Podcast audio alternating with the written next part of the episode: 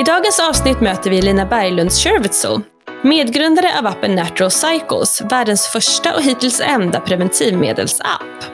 En svensk innovation som numera finns i flera länder, bland annat här i USA. Elina berättar om etableringen på den amerikanska marknaden och om hennes egen drivkraft som entreprenör och medgrundare till ett miljardbolag. Jag heter Fanny Reutsvärd. Välkomna!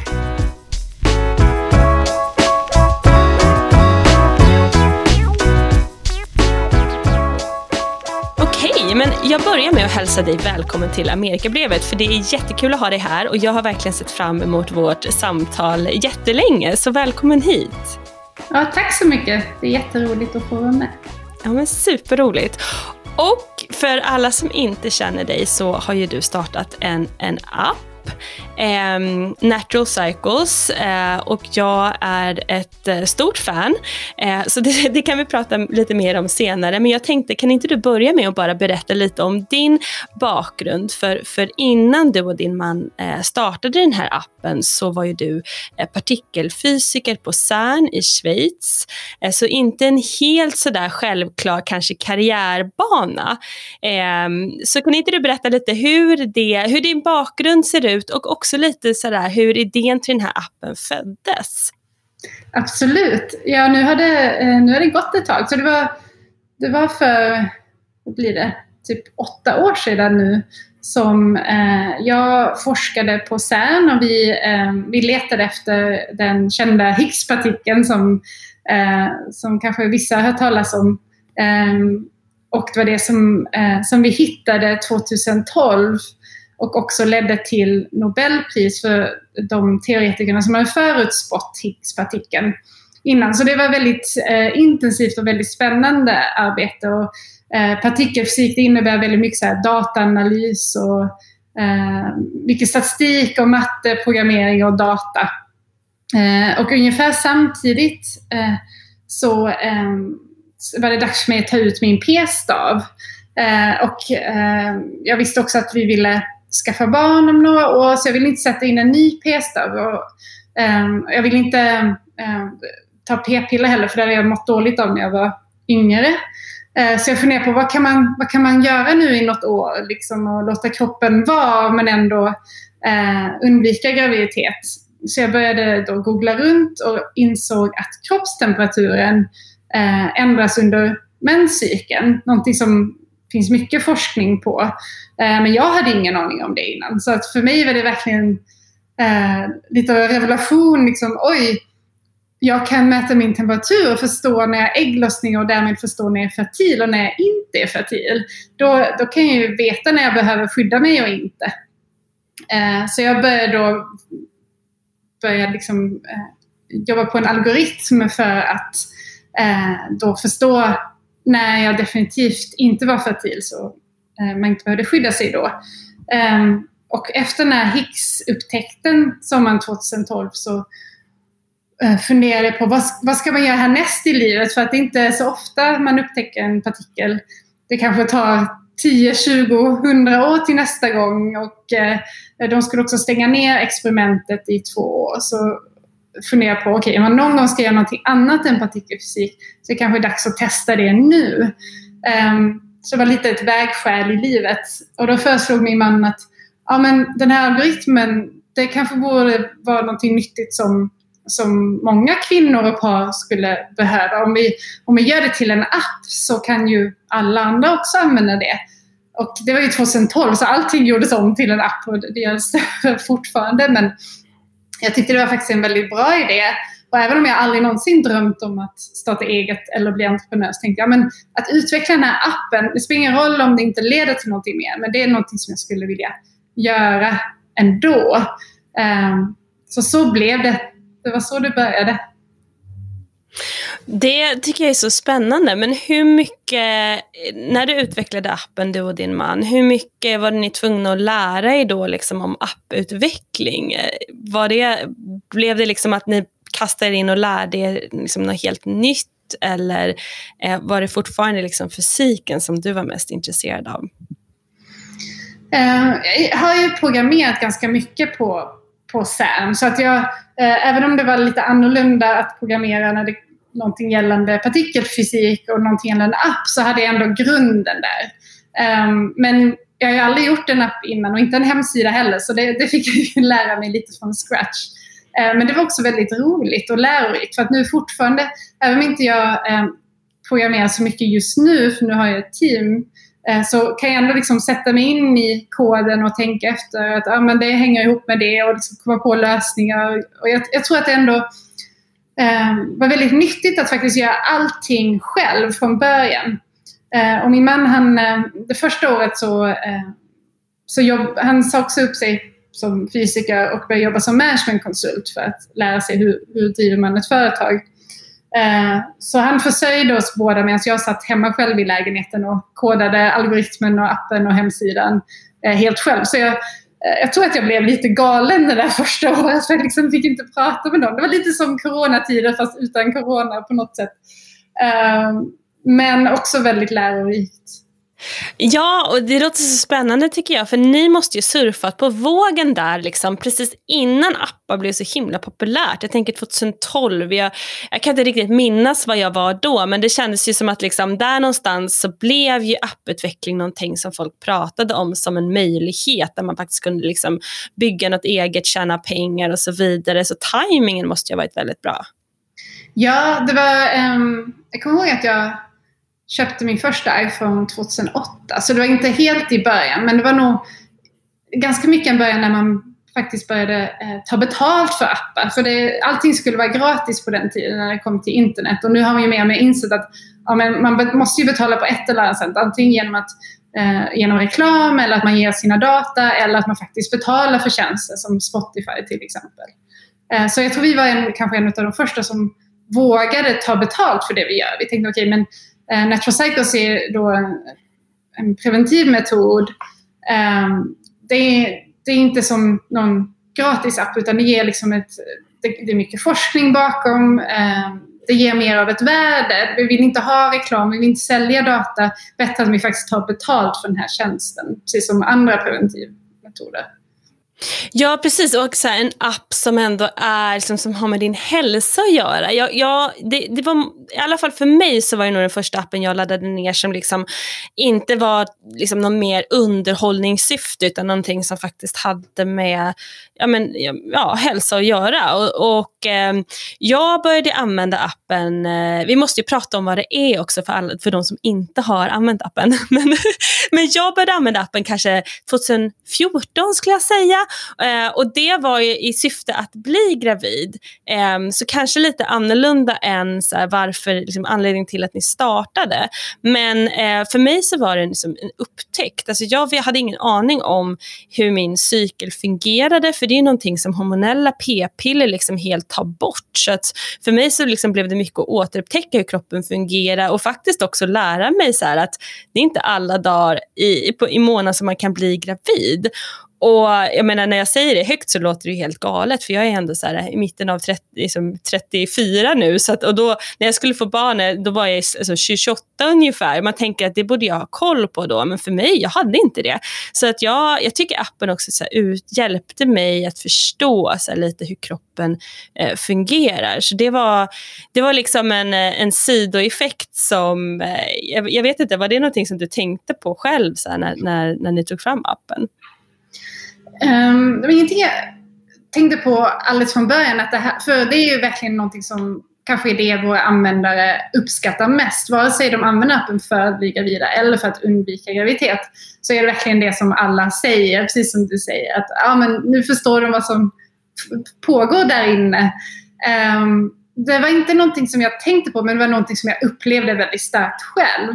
Eh, jag, tyckte, jag tyckte det var liksom spännande att vakna på morgonen och mäta min egen temperatur för att se vad, vad kommer den säga om mig idag.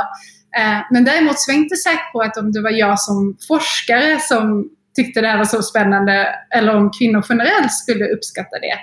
Eh, men det är ju väldigt tydligt nu att det är något som alla kvinnor uppskattar väldigt mycket och också eh, generellt att eh, som utbildningsnivån när det kommer till Eh, Eh, kvinnors kroppar, olika preventivmedel, för och nackdelar är väldigt låg tyvärr. Så vi vill ju också då försöka sprida mer kunskap när det kommer till kvinnors hälsa generellt.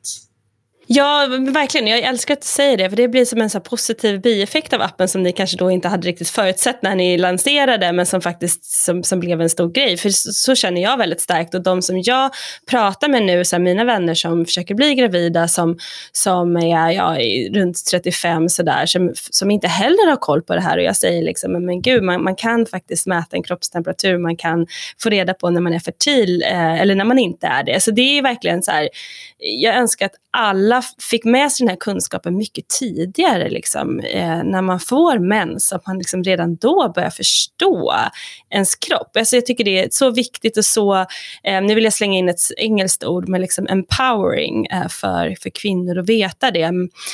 Men jag tänker att vi måste backa bandet, för jag, jag går händelserna lite i förväg. Kan inte du förklara vad appen är, vad man gör och hur man använder den lite, så att folk som inte har använt den förstår? Absolut.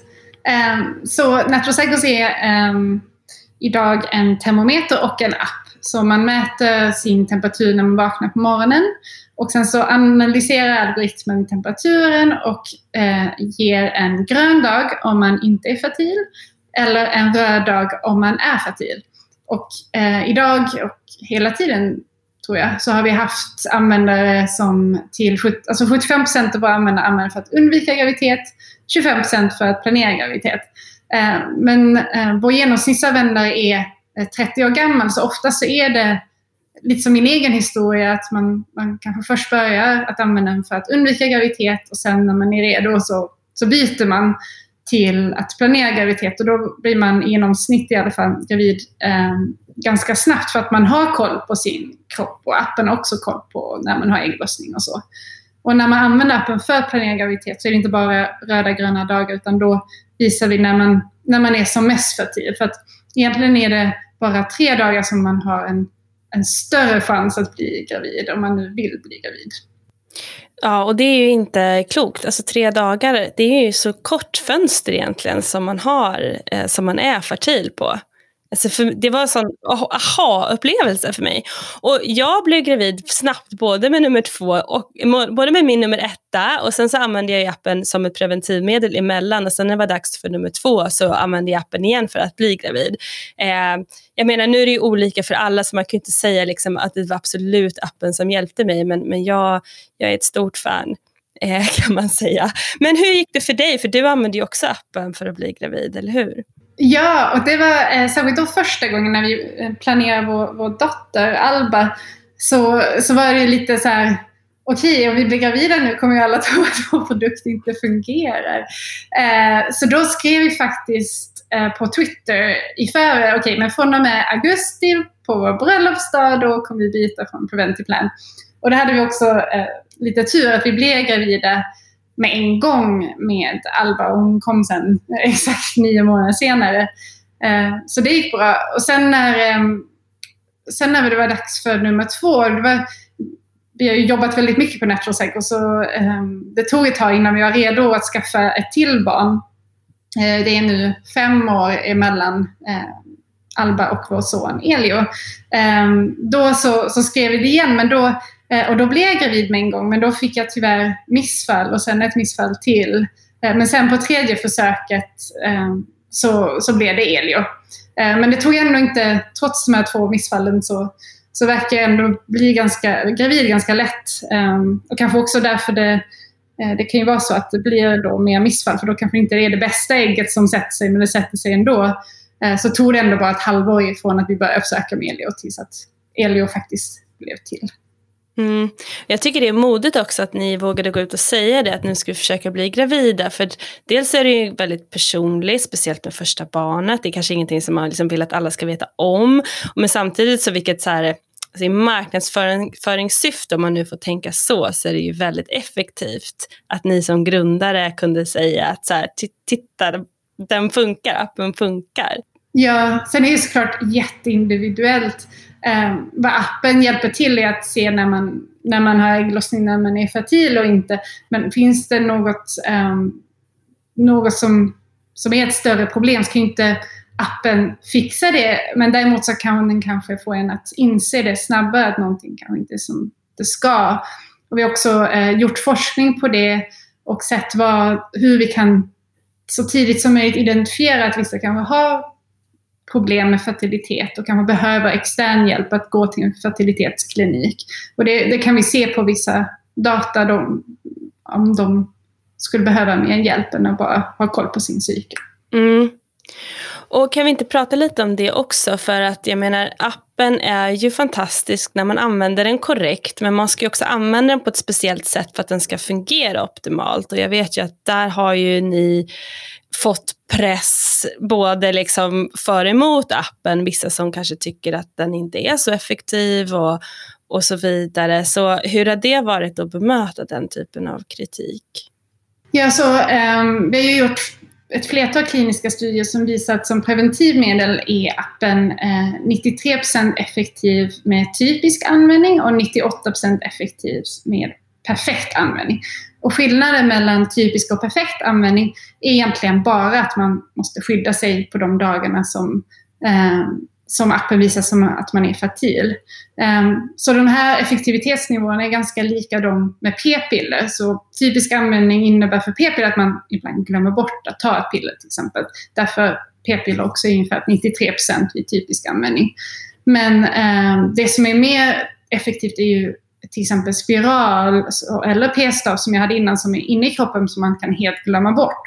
Eh, men Natural Cycles är ändå mer effektiv än att till exempel bara använda kondom. Um, så det är en, ska säga, mittemellan effektivitet, så här, mellan spiral, mer än kondom, ungefär samma som p-piller. Och det innebär ju att det kommer bli graviditeter, oönskade graviditeter tyvärr. Och så är det ju egentligen med alla preventivmedel. Eh, det finns ju inget preventivmedel som är 100% effektivt. Men vi har gjort studier och visat att det blir färre oönskade graviditeter med Natural Cycles på marknaden än inte. För att de flesta som använder Natural Cycles använder ett lika eller mindre effektivt preventivmedel innan. Så det är inte så många som byter från spiral till Natural Cycles till exempel. Um, vad som är dock tyvärr är att det har blivit mycket media som har egentligen vridit och vänt det här på, eh, de, till exempel det var en väldigt stor uppståndelse kring 37 oönskade graviditeter. Eh, det var så det, det här mediadrevet egentligen började. Men det var utav 600 och det var betydligt fler oönskade graviditeter från p-piller till exempel. Så allting beror ju på hur många använder vilket preventivmedel. Eh, så det är såklart tråkigt. Den tråkiga delen när man jobbar med preventivmedel är att det inte är 100% effektivt. Så att det kommer alltid vara oönskade graviditeter.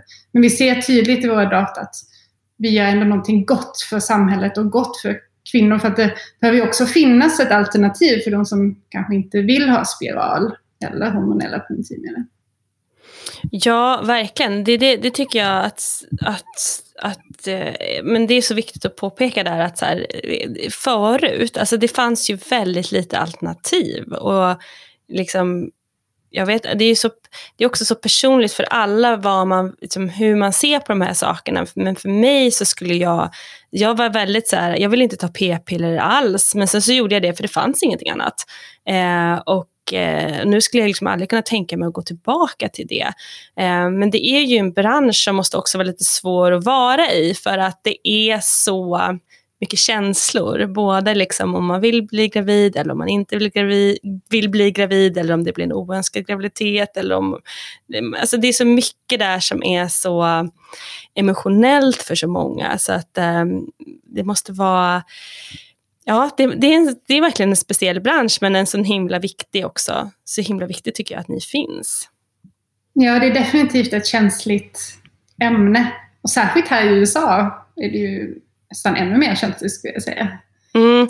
Och det, vi måste prata om det, för nu, du är ju i, i USA nu eh, och ni lanserade ju här för cirka två år sedan. Eh, så den, det måste vi också prata om, men jag tänkte innan det så, så om vi bara backar bandet lite, för ni lanserade då i Sverige och har funnits där i flera år. Och vad har din roll varit från det att du satt och liksom programmerade appen på er lägenhet där till sen att företaget växte och nu är det ju ett miljardbolag vad jag förstår det som. Hur, hur har din roll liksom utvecklats? Um, så min roll som både grundare och... Eh, ja, länge så var jag eh, CTO och min man var VD. Eh, och det funkar väldigt bra. Vi har, vi har egentligen alltid lett bolaget tillsammans som, som mer eller mindre ehm, equal, eh, man ska säga, jämställt. um, men att han har fokuserat mer på själva businessen och investerare och också regelverket. För vi, vi är ju, har ju varit nu eh, ganska länge den enda digitala produkt och app som faktiskt är godkända som en preventivmedel, både i USA av FDA eh, och i Europa så är den CE-märkt som, eh, som preventivmedel. Och det är mycket på grund av min man och hans teams jobb på den eh, regulatoriska sidan. Och också vad vi gjort tillsammans på alla kliniska studier som vi har publicerat.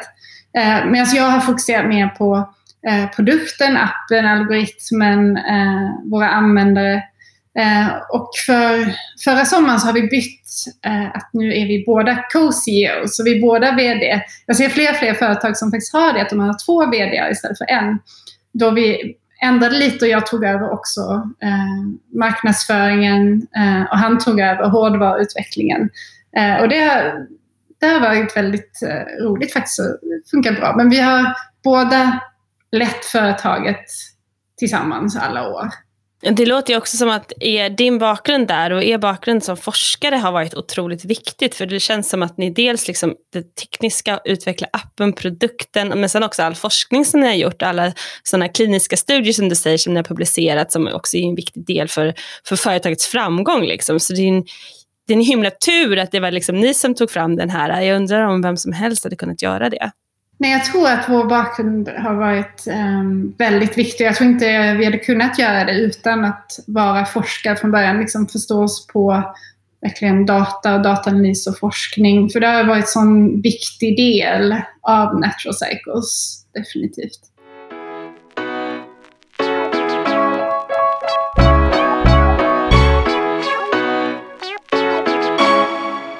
Och nu som sagt var så är du i, är, ni är i USA. Eh, sen två år tillbaka och appen som du sa där är, är godkänd av FDA som det här kan ju du bättre än vad jag kan, men man skulle väl kunna säga att det är motsvarighet till typ Livsmedelsverket och Läkemedelsverket i Sverige. Alltså en amerikansk motsvarighet som ändå har godkänt appen som preventivmedel här. Ehm, så kan inte du berätta lite om lanseringen i USA och hur det har varit? Vad, liksom, vad har den varit största, den största motgången och vad har varit kanske en oväntad framgång? Ja, så ja, mycket riktigt så var det då sommaren 2018 eh, som vi fick igenom eh, den här godkännandet av FDA efter att ha jobbat på det i flera år eh, och också innan dess fått igenom motsvarigheten i Europa. Eh, och det var i och med den, det godkännandet som vi då bestämde oss för att eh, flytta till New York eh, med en gång. Vi flyttade typ inom en månad eller så efter att vi hade fått igenom det. Och det tror jag ändå var en viktig viktig del att flytta hit för att vi kunde då anställa ett, eh, ett fantastiskt team som vi har här. Ehm, jag tror också nu, nu så här i efterhand så var det nog bra förberedelse för Corona för innan dess så har vi bara eh, har vi varit med vårt team i Stockholm så här, varje dag. Vi har aldrig liksom varit borta mer än kanske ett par dagar på en konferens. Eh, och i och med att vi flyttade hit så var vi tvungna att lära oss att jobba på distans också, för de flesta sitter ändå i Stockholm Särskilt innan vi hann bygga upp ett team här. Eh, så det var egentligen en ganska bra förberedelse för att nu att vi alla jobbar remote nu med, med eh, coronan. Ehm, men när det kommer till motgångar och framgångar, USA är en väldigt svår marknad och en stor marknad och en dyr marknad för att alla vill ju sälja här. Eh, så det tog ett tag innan vi ehm, lyckades liksom hitta bra sätt att växa och vi gjorde ganska mycket misstag just i början att vi la ner en massa pengar på en dyr eh, PR-byrå. För det var ungefär samtidigt som vi precis hade fått de här, eh, det här mediedrevet i Sverige. Så vi var tvungna att liksom komma ur det. Vi tänkte okej, okay, men om vi har den bästa PR-byrån här i New York så, så fixar det sig. Eh, men det visar ju sig att de ja, vi spenderar alldeles för mycket pengar på på dels det och dels på andra saker som inte egentligen ledde till någonting här i USA. Eh, och sen förra året så ändrade vi strategi och blev mer så här startup igen. Att vi, ja, men vi har små billiga tester, ser vad som funkar, vad får oss att växa och sen så itererar vi på det och växer eh, långsamt men med många tester istället för att okej, okay, det här får du en säck med pengar till den här PR-byrån och så hoppas vi på det bästa. Um, och det har funkat väldigt bra. Så nu, uh, nu i, i år, sen i början av året, har vi växt nästan 70 procent i USA. Så nu växer vi snabbt i USA och USA har blivit vår största marknad och, och definitivt vår snabbaste växande marknad. Um, så, um, så just nu går det väldigt bra för Metro Cycles också i USA, vilket är väldigt roligt.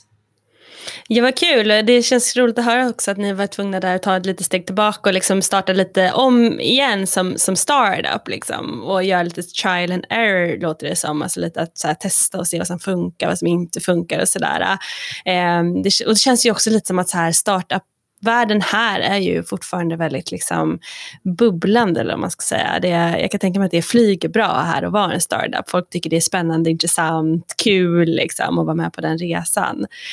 Eh, och vad är användarnas eh, reaktion? Liksom? Vad, vad, tycker amerikanska kvinnor om den här produkten? Vet de, liksom, har det funnits något liknande här tidigare? Eh, inte liknande, men en, en sak som är lite skillnad mot Sverige skulle jag säga att det finns några grupper av kvinnor som har gjort det här mer för hand. Att de liksom har skrivit upp sin kroppstemperatur och analyserat det för hand. Eh, vilket eh, ja, vilket har funnits i egentligen väldigt många år, men inte är särskilt effektivt. För det är svårt att se eh, om en temperaturökning beror på just ägglossning eller någonting annat, utan att ha liksom en algoritm bakom som, som använder statistiska metoder. Men de här, de här kvinnorna är då väldigt de känner ju att ja, men jag har ju lärt mig det här och jag har ju lärt känna min kropp och det här funkar för mig.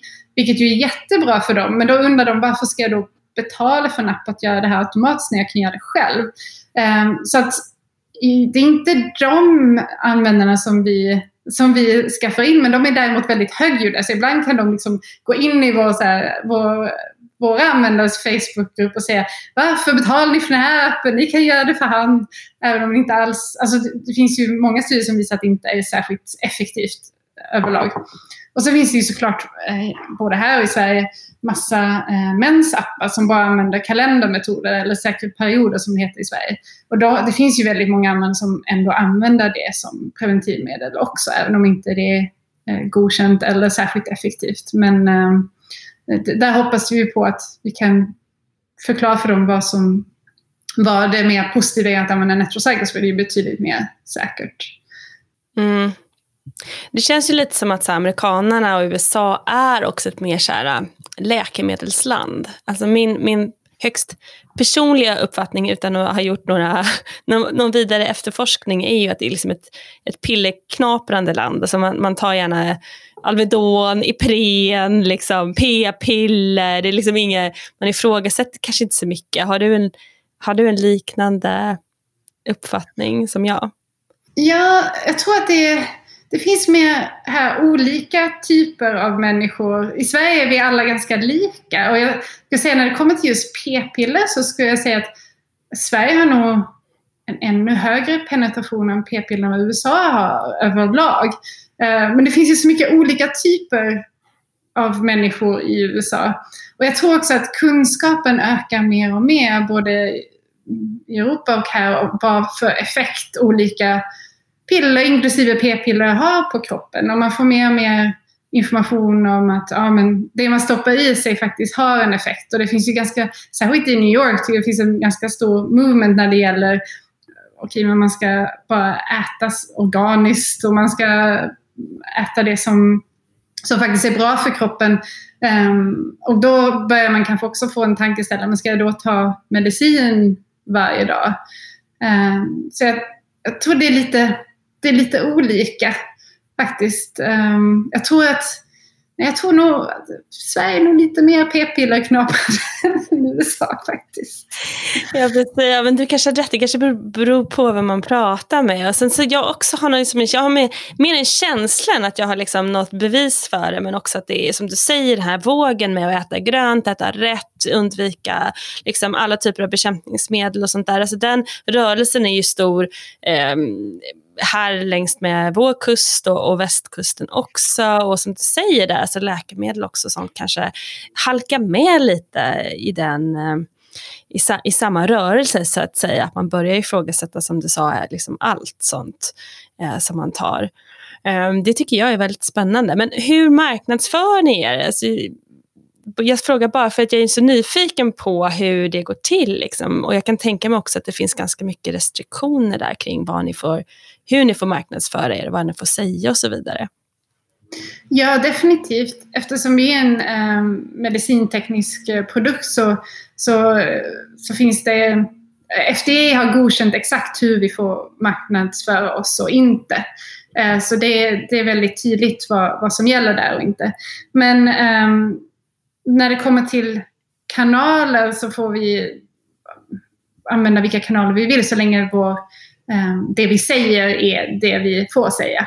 Och det är också egentligen vad vi vill säga. Vi vill förklara hur effektiva vi är och våra för och nackdelar. För vi, vi vill ju att vi hittar rätt användare också. För att om det inte är användare som, som Natural är eh, bra för så kommer inte de stanna med oss. Och vi är ju en prenumerationsbasis och vi vill ju ha användare som stannar väldigt länge.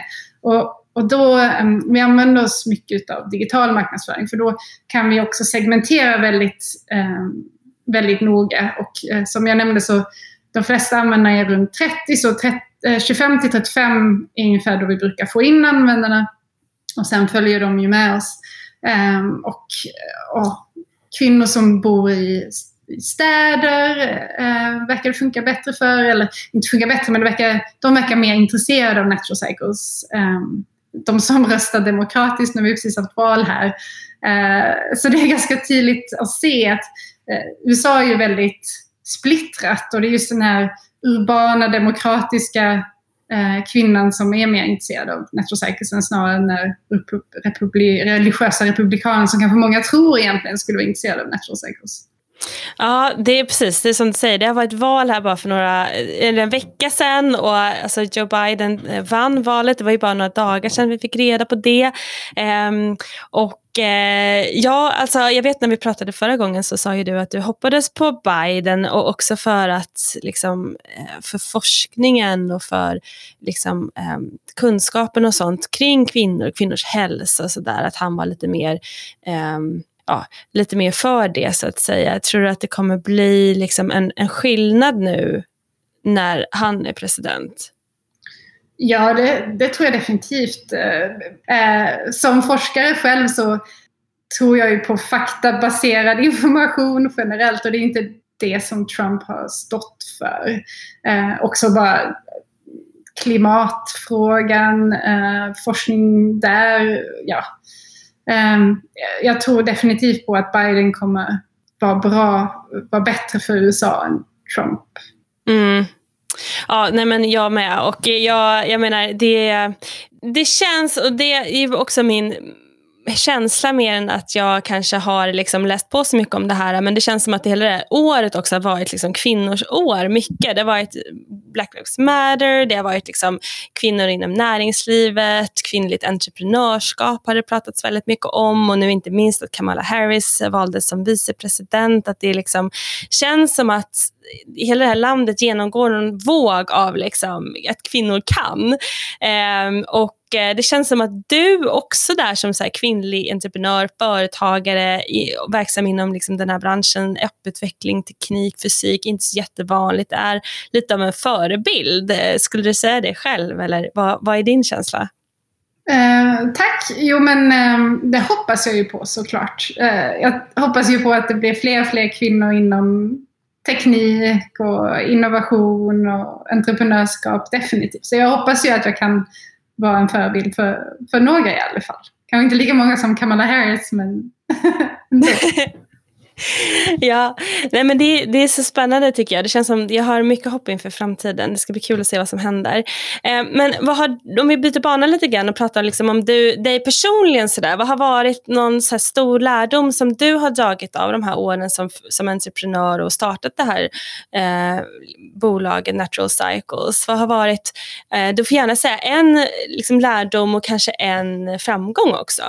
Oj, ja, jag har ju lärt mig otroligt mycket måste jag säga. Ehm, som, som forskare är man ju kanske lite i en bubbla och ser världen på ett sätt och, och då slungats ut i i eh, den, vad vi kallar den riktiga världen eh, så har jag ju lärt mig väldigt mycket. Eh, och in, jag är inte lika naiv nu som jag kanske var från början men samtidigt ehm, så har jag mycket mer erfarenheter. Ehm, men om jag måste isolera en lärdom. Jag vet inte om jag har någon så här jättebra lärdom att dela med mig av, Men, men en sak som, som jag har tagit med mig på hela resan är att eh, om jag verkligen brinner för det här så kan jag kämpa mig igenom alla motgångar. För det är ju ändå väldigt tydligt att alla startup och alla entreprenörer kommer ha motgångar. Det kommer ju aldrig bara segla rakt upp så som man vill. Och för att kunna ta sig igenom de motgångarna så tror jag man måste bestämma sig från början. Nej, men nu kör jag på det här, nu tror jag på det här. Och, eh, och komma ihåg det under vägen. Och då bara fokusera på att kämpa sig igenom dem och fortsätta snarare än att tänka hela tiden på, ja men vill jag göra det här eller inte? Utan snarare bestämma sig från början. Eh, och det tycker jag att, att jag har varit ganska bra på att göra. Att liksom, även om vad som än har hänt så har jag ändå vaknat upp nästa dag och kämpat vidare helt enkelt. Mm. Målinriktad kan man säga. Uthållig kanske är ett bättre ord. Ja, kanske det. Jag ger inte upp så lätt. Kanske envis. envis, ja. En bra egenskap. Jag är oxe, så att eh, de, man brukar säga att oxar är så envisa. Så att, ja, det är kul. Va, har det varit någon sån framgång eller någonting sånt som du känner har varit så här, ett liksom yes moment som du har skålat för? Ja, definitivt. Ehm, jag tror det, de två viktigaste var när vi först fick igenom CE-märkningen som världens första preventivmedelsapp i Europa och sen i USA.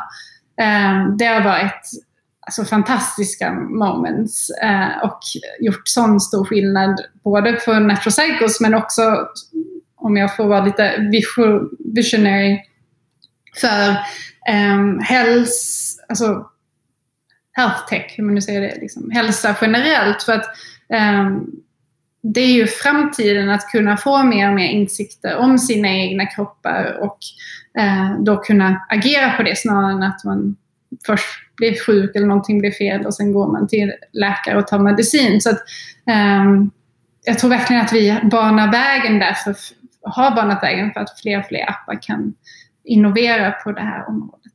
Mm. Ja, det är jättespännande att du säger det. Precis, alltså framtiden där. Liksom, att man, man, kanske varje enskild individ kommer ha mycket större koll på sin egen hälsa, sin egen kropp och ens värden och så vidare för att själv kunna på något vis eh, se när någonting börjar se lite fel ut och så kan man justera det innan man blir sjuk. Det är väldigt spännande. Det, det har jag inte så mycket tänkt på faktiskt. Ja, och en, en sak som jag inte eh, pratat om eller nämnt än är att vi, eh, men vad, vi gick ut med en Ehm, en nyhet för några veckor sedan är att vi har nu submittat till FDA att man också kan använda Natural Cycles tillsammans med en ring som mäter temperaturen under natten på fingret. Så man slipper då um, mäta temperaturen i, på, i munnen på morgonen och så man slipper komma ihåg det på morgonen. Utan man har på sig den hela natten. Och det, eh, där hoppas jag att det kan öppna dörrar för um, mer an, fler användarområden för det finns ju ännu mer data om man mäter kontinuerligt än om man bara har en mätpunkt per dag. Så det tycker jag, eh, som forskare och nörd, tycker jag att det är väldigt spännande. Ja, jag såg att du har den ringen på dig, eller hur? Ja, ja, ja, ja, ja precis. Det, det, jag såg det där att den glimmade till lite. Vad, vad heter den? Um, så detta är en Oura-ring. Oura. Um, mm det är ett, ett finskt företag och den mäter främst sömn idag. Eh, men vi hoppas att i framtiden att vi kan också inte bara finnas tillsammans med Oura-ringen men också på fler så här, um, wearables och hårdvaruplattformar. Men det krävs ju en hel del forskning för att först visa att det faktiskt funkar och det måste vi göra per hårdvara, man ska säga. Så Oura-ringen är först ut men vi hoppas på att vi ska kunna finnas på fler plattformar framöver. Gud vad spännande. Och eh, är det någonting som ni själva är nyfikna på eller sugna på att ta fram en egen sån hårdvara? Definitivt. Det är, um, det är någonting vi funderar väldigt mycket på. eh, särskilt just nu, vad, det finns ju definitivt fördelar att ta fram en egen hårdvara, för då kan vi göra det just för, för våra användare. För vi ser ju att eh, kanske inte finns den perfekta hårdvaran idag för våra användare. Eh, men vi är ju främst ett mjukvaruföretag och det är inte vår expertis. Och det blir nog svårt att konkurrera med alla hårdvaror som spottas ut. Så här, eh, Apple Watch, Fitbit, eh, Amazon kommer ju lansera en ny nu också.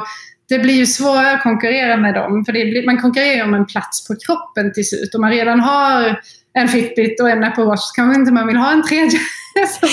en ring på varje finger som mäter ja, olika saker. Örhängen.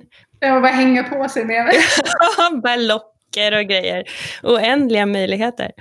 Ja, så det finns ju för och nackdelar med, varje, med olika strategierna. Så vi, vi tittar på just nu vad som, vad som är bäst. Det är inte helt tydligt om det kommer funka för oss med Fitbit eller något liknande. Just för att um, det är svårt att mäta på ovansidan handleden. Man får inte så bra data där. Um, så vi, vi, får se. Vi forskar vidare och ser vad som kommer fram. Men får jag gissa att det är den vanligaste, kanske inom situationstecken, klagomålet från era användare? Just det här att man ska komma ihåg och mäta en viss tid varje morgon. Ja, en viss tid behöver inte vara... Vi brukar säga att um, ja, om det är inom ramen av fyra timmar så... Um, och även om man mäter utanför den ramen så, så kan man säga till i appen. Eh, men att, att komma ihåg om man mäter överhuvudtaget, det ser vi att det, dels är det svårt att komma in i rutinen. Är man väl inne i rutinen så är det lite lättare att komma ihåg det igen. Eh, men också om man, om man kommer ur rutinen och åker på semester eller någonting annat, så man tappar bort sin termometer, då är det svårt att komma in i den igen. Och det märker jag ju själv, för att eh, nu har jag ju använt aura-ringen ett tag och slutat mäta på morgonen. Och sen i helgen skulle jag börja mäta på morgonen igen, för jag skulle testa en annan termometer. Och då glömde jag såklart första morgonen. Och sen var jag tvungen att göra där att tricket att man lägger termometern ovanpå telefonen. Det enda sättet att man mm. Mycket, mycket bra trick. Jag, jag måste säga, jag, jag har jättesvårt med det där, jag har svårt att komma ihåg, jag glömmer lätt. Eh, men jag måste nu, eh, eller jag är i en fas där jag helt enkelt ska börja använda Natural Cycles igen och eh, dra mig lite för just att komma liksom in i det här i vanan helt enkelt. Så det tar ju en stund som du säger att etablera en ny vana. Men termometern på telefonen hade jag glömt bort. Det är jätte, jättebra eh, tips. Ja, det är faktiskt ett tips som funkar väldigt bra och är väldigt enkelt. Eh, för då, då kan man inte missa det när, när man vaknar på morgonen. Nej, precis. Men du tror att framtiden där annars är liksom wearable technology, alltså teknologi som man kan eh, använda och som kanske gör den här processen och proceduren lite enklare? Ja, eh, jag tror dock att vi nog alltid kommer ha en, en termometer som man mäter i munnen också. För att olika saker funkar ju för olika människor. Vissa vill inte sova med någonting som äter hela natten. Ehm, och det kommer nog bli dyrare än, än en ganska enkel termometer som man har i munnen. Så vi, vi hoppas att kunna erbjuda olika lösningar i framtiden. Har du några generella tips där till någon som funderar på att starta i USA? Starta upp liksom, eller flytta sitt svenska företag helt enkelt och lansera i USA. Jag inser att det kanske är svårt att svara på för alla branscher ser lite olika ut och olika regelverk och restriktioner och så vidare. Men är det någonting sånt där mer generellt som du tycker att ni har gjort rätt eller har, har haft stor glädje av när ni lanserade i USA? Ja, jag skulle säga att, att vara på plats har hjälpt mycket. Liksom att kunna anställa ett team här, att um, förstå kulturen och marknaden. Uh, nu kanske med Corona så är inte det alls lika lätt. Nu sitter vi alla lite fast var vi nu än sitter. Men det har hjälpt oss mycket. Och sen att inte upprepa vårt misstag där, att eh, gå ifrån den här filosofin att uh, med trial and error att faktiskt först göra små tester och se vad som funkar innan man skalar upp. Eh, så man inte bara ja, sätter, sätter hela, alla pengarna på rött från början och sen så blir det inte så. Ja, det, det, jag tycker det är jättebra bra tips. Um, och sen så brukar jag alltid avsluta med att fråga efter dina bästa tips till New York. Om det är någonting sådär som du tycker att man ska passa på att se eller göra om man kommer till New York som besökare. Ja, eh, en, ett tips som jag brukar ge när folk kommer och hälsar på är att promenera på Highline-parken. Eh, det är en gammal räls skulle jag säga som går lite ovanför marken så, som de har gjort om till ett grönområde eller en park och det är väldigt mysigt att promenera där genom Chelsea eh, och eh, ja, få se New York från Highline-parken. Och sen eh, måste jag eh, slå ett slag för Upper West Side där vi, där vi bodde förra året, eh, vilket jag tror inte så många har koll på. Alla har hört talas om Upper East Side, men inte så mycket Upper West Side. Men det är också väldigt mysigt område. Eh, särskilt om man går lite, inte, eh, inte längst söderut, men man går in i, i gatorna som kallas för 70s, alltså 70 någonting gatorna. Det är ett väldigt mysigt område. Och det är ju också bredvid eh, Central Park. Eh, och då skulle jag också vilja tipsa om eh, reservoaren i Central Park. Där brukar jag jogga på helgerna från Upper West Side runt reservoaren. Om man kommer på andra sidan reservoaren då ser man alla eh, skyscrapers två gånger. Så, så som man ser dem och sen också i vattnet som de speglar sig. Och det är jättemysigt och jättefint verkligen. Gud vad härligt. Jag saknar Central Park. Det är en av mina favoritställen i New York och jag har ju inte varit där nu sedan i typ ja, mars alltså. Så det är ju ett, några månader sedan. Det är mysigt. Um, men tack så hemskt mycket att du har varit med idag. Så jättekul att prata med dig. Ja, tack för att jag fick vara med. Ja, stort tack.